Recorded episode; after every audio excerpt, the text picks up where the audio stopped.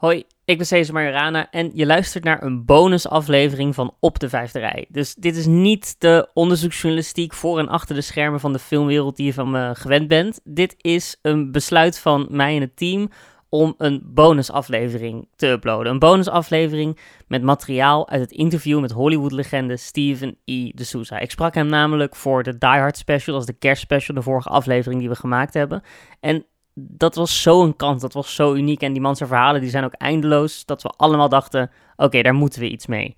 En wat we daarmee moesten, dat is dit wat je nu gaat horen. Een ruwere aflevering dan je van ons gewend bent. Waarin we eigenlijk uh, grote stukken van het interview met Steven E. de Souza um, achter elkaar gemonteerd hebben. Waarom is dat leuk om te luisteren? Ja, omdat allereerst natuurlijk die man een Hollywood-legende is. Hij maakte films zoals Judge Dredd, Street Fighter, Beverly Hills Cop 3, The Flintstones, Die Hard, Die Hard 2, Commando, 48 Hours. Hij heeft heel lang in het vak gezeten, weet er ontzettend veel over en eigenlijk is elk verhaal wat hij vertelt een anekdote op zichzelf. Een aantal daarvan mag je nu gaan horen. Belangrijk dan daarbij om te weten is een, een paar kleine huisregels, notities, um, waarvan de eerste misschien ook meest grappige is. Een aantal keer in het interview kan het zijn dat je een pingel hoort. Dat is dan het geluid van Steven computer. Waarom? Om, ja, die man is wat ouder, die wist niet hoe dat uit moest. En um, daar, ga je dan gewoon mee. Um, dus dat is niet jouw computer, schrik niet. En verder, als hij het heeft over Jeb Stewart, dan is Jeb, Jeb is zijn co-scenarist geweest op Die. Hij werkte heel veel samen met andere grote Hollywood-namen. Um, en verder spreekt alles wel voor zich. Het deel van het interview waar we nu meteen in gaan vallen, dat gaat over hoe Frank Sinatra, dit echt waar, hoe Frank Sinatra ooit gevraagd is voor de rol van Bruce Willis in Die Hard. Uh, waarom dat is, hoor je zo. Ik wil jou nog heel erg bedanken voor het luisteren naar deze podcast het afgelopen jaar. We zijn er volgend jaar weer met de soort podcast die je van ons gewend bent. Geniet nu van deze bonusaflevering. En uh, bedankt voor het luisteren. A little known fact is they had to offer the part to Frank Sinatra initially. Because Frank Sinatra had been in the. It's not a prequel, because when the author, Roderick Thorp, wrote the first book, he didn't know it was going to be a series. But the first book, called The Detective, was made in 1966 or 67 with Frank Sinatra as the lead. And um, so when they went to make the sequel, they had to offer it to him first. Fortunately, he said, "I'm too old and too rich, you know, to uh, to do this picture, which is good because the chases through the building would have been on a uh, rascal scooter if he had taken the picture at uh, at that age." But then they went to the then they went, I guess, driven by the studio, even though the script was already different from what was going on a lot in the 80s. Uh, this, the character was a more of a normal person. In the novel, he's a retired chief of detectives uh, and a more sophisticated character than one in the movie. In fact, uh, the character had been a a, a, um, uh, a um, in the in the Army Air Force, an officer in the Army Air Force, and later in Army intelligence, uh, and in fact had met uh, Hans Gruber's father when Hans Gruber's father was a prisoner at Spandau Prison and had met, had, had seen Hans Gruber as a child coming to visit his father. So there was all this backstory. And the novel, you're in the thoughts of the character. It, it was the character's point of view. And when you take all that out, you don't have two hours of movie. When you remove all the internal thoughts and the flashbacks to his when his daughter was a little and like he could have been a better and he got divorced, that you know all that stuff is out the window. You're not in the head of the character uh, a- anymore. Uh, so uh, the character was more grounded, and now, despite that, they went to Schwarzenegger and Stallone, and they turned it down. And Richard Gere turned it down, and James Caan, whom I know, now says, "What was I thinking?"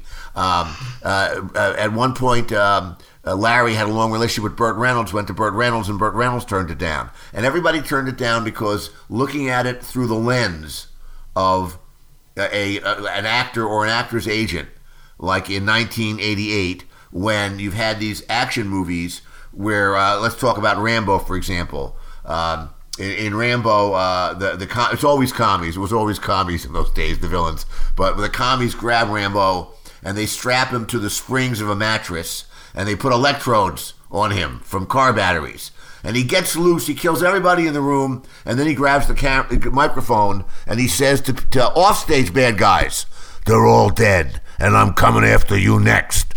Well, this is the antithesis of the character in Die Hard. So as these people read the script, they're going, "Wow, this guy's like a coward. He spends the first like 35 pages of the movie hiding and trying to call the police. What a wimp."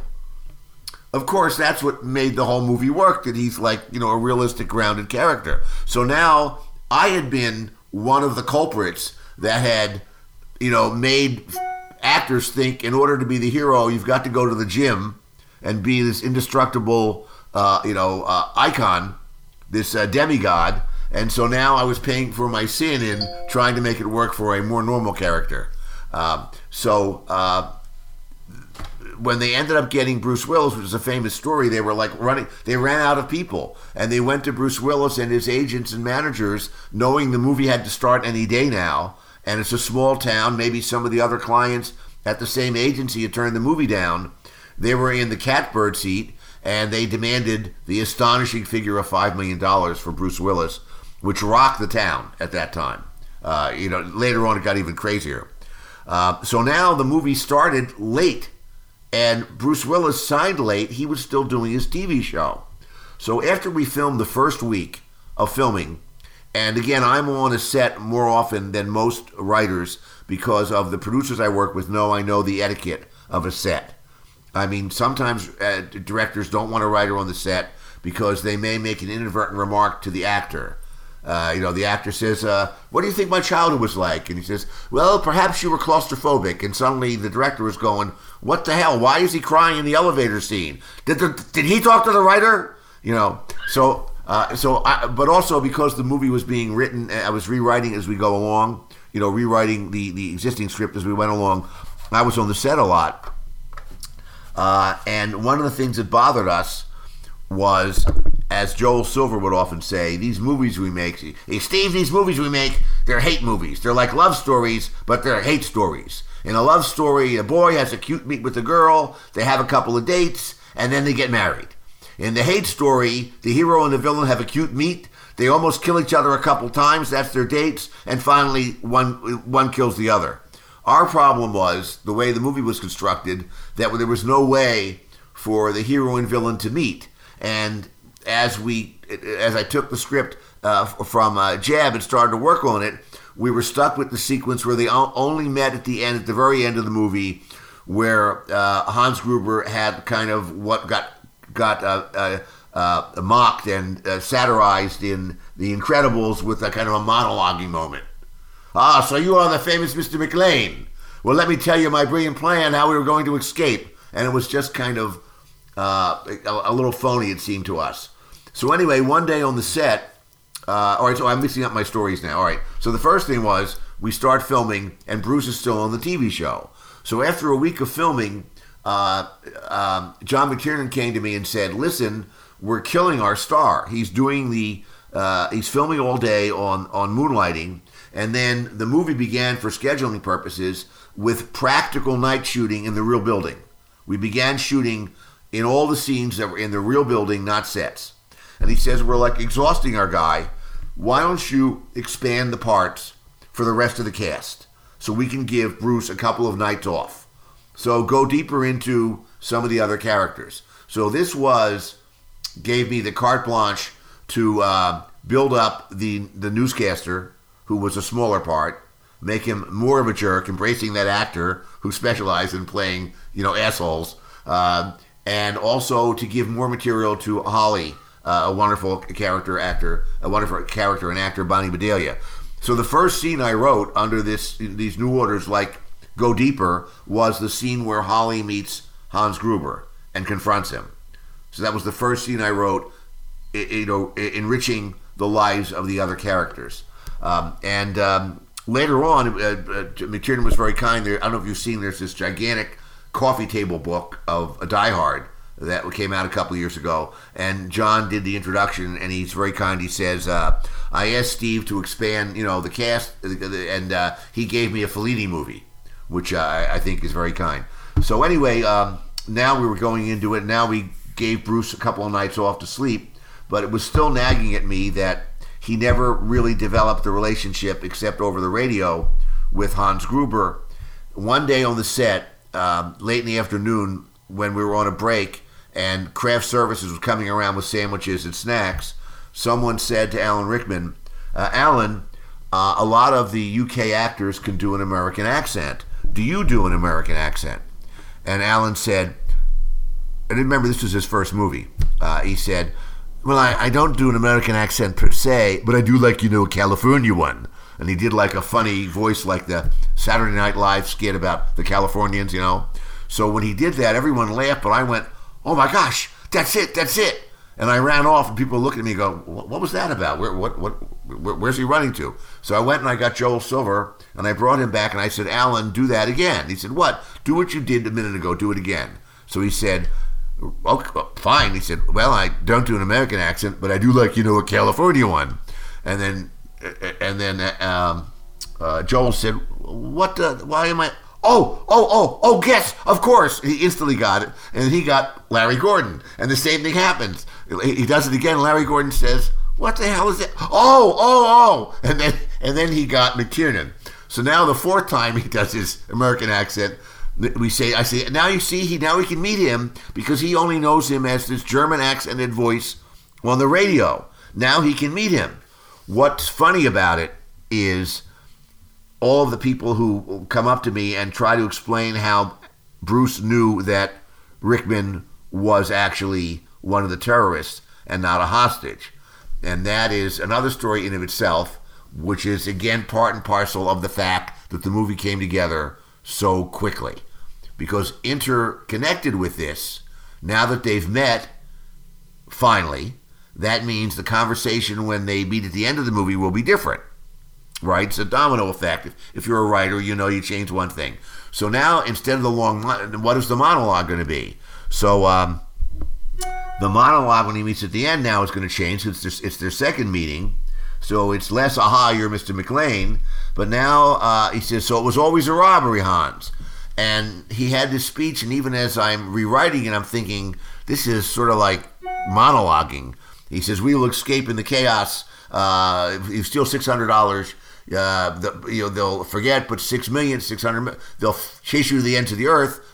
Uh, it just seemed too dependent on the audience, like thinking, you know, that meme of like I think it's Lindsay Wagner from Bionic Woman with the, or like the Beautiful Mind with the numbers going by. Like, yeah, like yeah, yeah. I, everybody in the audience is going to go. Wait a minute, we the ensuing chaos we would escape. So um, as we were closing down on the end of the movie, and it was like two weeks before the end, we're and I just rewritten that scene. We're saying, is this enough explanation? And then I rewrote it with more explanation. And they go, now he's monologuing, you know. So I said, listen, I did a movie a couple of years ago, which like only aired once, which was uh, Will Eisner's The Spirit. I did a TV movie of that. This is uh, like uh, I think 20 years before the uh, uh, the other the, the most recent movie. And that was kind of a cartoon. It was over the top. And I had a villain. She was so evil, she was going to blow up a children's hospital to cover her escape. Uh, and we, we never saw the ambulance, but she's but they had they had the first responder uniforms. And I said, nobody saw that. Of course, since then it's on home video. Let's do that. Great, great, we'll do that. So now we quickly uh, added, I quickly added the scene uh, to avoid monologuing, the scene where, where Argyle's in the basement and he sees uh, Theo uh, in, in zipping up a paramedic uniform and going to the back of the truck and opening it and rolling out an ambulance. And now the audience understands exactly what the plan is without any dialogue, which is great, and they feel very smart. And then he crashes the, the limousine into the ambulance. Well, the proof that this was came together so late, if you look at it again, ambulance is spelled wrong on the side of the ambulance. and and they noticed that on the set. They said, "Listen, uh, you know, ambulance is spelled wrong." And they go, "Oh hell!" They go, "We don't have time to redo this." You know, it'll be another twenty. It'll be at least twenty four hours to redo the ambulance. And like the movie, this is the last week of filming, so they just left it. So that shows you how late it was. Okay, so now the movie's finished, and we have the first cut. And there's uh, John McTiernan and Larry Gordon and Joel Silver. Uh, Bruce was there. I think he was dating uh, uh Demi at the time. She was. I was there with my wife. Very select group. Uh, Urioste and the other editors. So we're watching the movie, and it's like temporary track, and occasionally it says shot missing, but we're all professionals. We're like into it, and it's working, it's working. And finally, the truck pulls in. Rickman gets off, and as he always did, he said in German, synchronize your watches.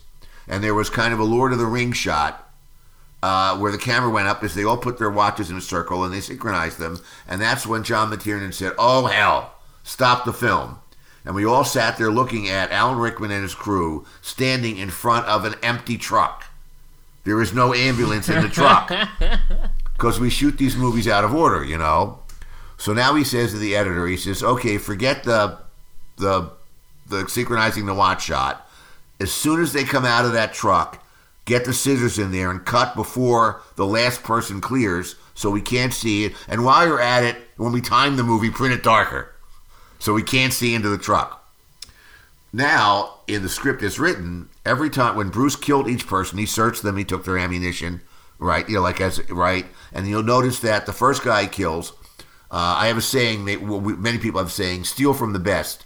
So when Bruce encounters that first guy, I'm sort of quoting uh, Hitchcock in um, Torn Curtain, where it shows how horrible it is for an untrained, ordinary civilian to kill a, a, a trained uh, killer, a, a, Stasi agent, and uh, he and the he and the and the uh, the, the the woman who's in the underground. It, it, takes the two of them to beat the crap out of the guy, and they finally kill him in the oven, which is a comment already if you're in Germany. Uh, so. Uh, um, that was the idea of that. He kills the first guy almost by dumb luck because the guy is is outmatched. Then, when he sees the guy is dead, he searches him he takes his cigarettes, and there was a laugh there. He looks around like he's he's a cop. He, he looked around like so nobody should see him stealing the cigarettes. So that was a laugh. And then he looked at the watch and looked around again, which also played as a laugh the first time around that he might steal the watch. Then, when he searched each person, which he did, each time he killed a guy, he checked their clothing. He took uh, uh, um, ammunition magazines from each one, but he noticed the watch on each person he killed subsequently. And then there's a scene where he has dialogue with Al Powell outside, and he says, I think these guys are pros. He says, Why? He says, They all have identical equipment. The IDs are the best fakes I've ever seen. The labels are cut out of their clothing, and they all have the same watch. This is a crew. That was the dialogue. But now we had to take out the dialogue about the same watch. So he eliminated all of the scenes where he noticed the watch except for the first one, which plays as a joke. Like he's thinking of stealing a watch, but he's too on to steal a watch. But now we get to the scene where he meets Hans. And originally, as shot, there was a clip, a very close shot, where uh, McTiernan racked focus, and you saw Bruce's eyes go to the watch as he lit the cigarette. And that's how he knew he was a phony.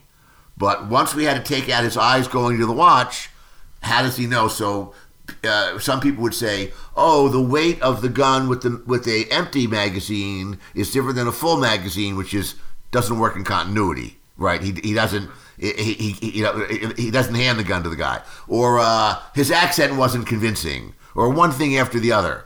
But but but uh, Rickman is so clever; he gives a name off the wall. That's my cameo, by the way. If you look at the wall again, my name is there in alphabetical order. And the, every all the names except for William Clay are are, are people in the crew of the crew of uh, the crew of the movie. We all get our get our moment there. Uh, so uh, you're left to thinking he's just such a great cop. He uh, he can tell when someone's lying, which is not as I'd rather have Sherlock Holmes figure it out than than guess. But uh, that just shows the domino effect of like making the movie so quickly. We think of the ambulance the last minute, and then the ambulance creates another problem. Now, what is it about the first? I mean, the second Hard film is such a lovely and such a good film and such a rewatchable film as well. But then the first one just somehow manifested itself in pop culture in a way that I I've not seen with many films at all. Um, what do you think it is about that film? If if you can even like yourself explain the hype, the memes. Well, I think it was, as I said, I think it was an antidote to these preposterous, increasingly preposterous action movies we're having, where the heroes were performing superhuman feats. So it, it was such a breath of fresh air. And as far as the initial audiences that first saw it, it was so unexpected. You have to remember that at this time, Bruce Willis had been in two movies that had failed.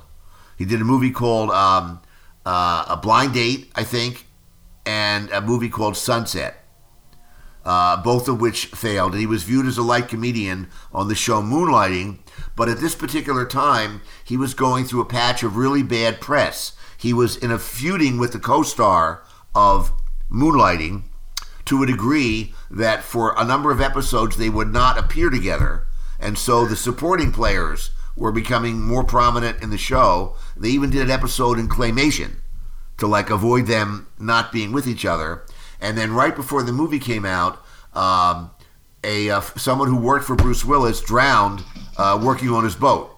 So there was all this bad bu- press, bad buzz about Bruce Willis. So when the when the coming attraction played in movie theaters, and I would, you know, I, I'm like, you know, in Hollywood, they go, the coming attraction is going to be on this other movie, whatever it was. I don't remember. I, oh, I want to see the coming attraction in the movie theater. So I went to see whatever the other movie was in order to see my trailer, and uh, my heart, my heart sank because when Bruce Willis's name came up, the audience laughed and booed. And this happened all over the country. Reports got back to 20th Century Fox that when they showed the coming attraction, it's Christmas Eve, and 12 terrorists have taken over. Uh, the city is in fear, and only one person can save them.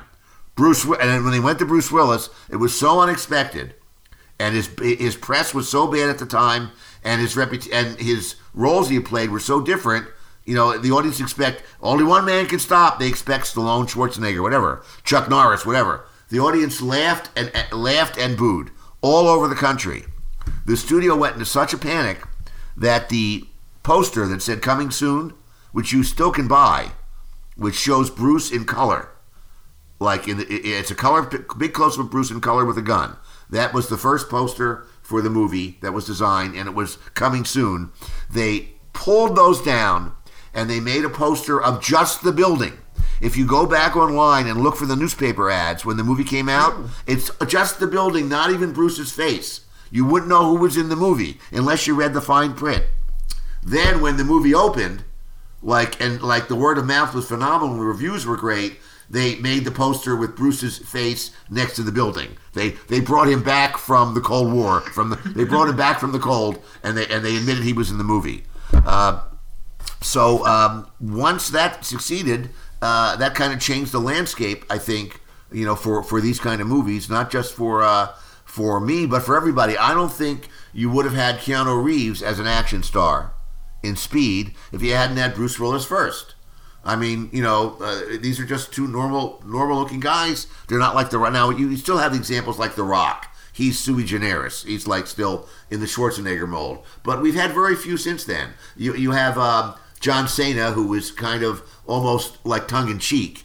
You know, he's in on the Yeah. joke, uh, and he's doing Yeah. a wonderful job of it. But uh, I honestly think that you, you you have John Cena and The Rock, who are kind of in on the joke that they're such exaggerated physical specimens. In the last movie, I mean, invariably with The Rock, the level of reality that perhaps Die Hard brought to these movies are in this movie Red Notice. That when he says he meets the woman from um, Interpol, he says, "You don't look like an undercover agent." right? Uh, and in in the uh, Jungle Cruise, when uh, Jesse Plemons is playing the um, the German prince says, "Oh, you are a very big boy, aren't you? Look at those muscles." Whereas in previous movies, I mean, there's a movie that, that, that Arnold did called called um, uh, uh, what was it called? Uh, a Raw Deal, where he's like an undercover agent, and nobody says he can't follow somebody down the street. I mean, he's under. Are you serious? You know. Um, so even in the remaining actors who are these like you know um, demigods, you kind of acknowledge they don't look like a normal guy anymore. So we, we, we have a baseline of reality for action movies. Uh, you're welcome. It was a great door opener for me, and of course it created this uh, uh, whole craze of Die Hard Inna. Uh, you know, uh, where uh, everything was a Die Hard in Inna. So we had Die Hard on a boat and Die Hard on a plane, and so on and so on. And it got so ridiculous that after my Timothy Dalton movie came out, so this is like uh, in 2000. This is about yeah, this is about a dozen years after Die Hard. A producer called me up and said, "Listen, I saw this picture you did with Timothy Dalton, and wow, I mean, you were directing like two Academy Award winners, and Christopher Plummer, who's like a real diva, and it's like, uh, but you know, uh, this is not your." Uh, That's not. You shouldn't be doing a horror movie. You should be doing. You should stick to what you know. And I've got a script. It's a great action movie. It's right up your alley. And now that I saw what you did with this with this uh, picture with with uh, Tim- Timothy Dalton, Christopher Plummer, I know you really can direct the hell out of it. Just uh, you you write your own ticket. You rewrite this movie. You can direct it. I go, okay. Tell me what it is. He said, it's Die Hard in a building. now this is a true story. So I told the story a number of times in interviews like this one, and and then I read the interview and they never printed the anecdote because it seemed so preposterous. But I had told Bruce Willis the story when I ran into him, and then I, I guess one or two diehards ago, Bruce was being interviewed in Vanity Fair, and he says a funny thing happened to Steve de Souza. So finally, my story went into print because Bruce told it. Nobody would believe me, but to believe the movie star.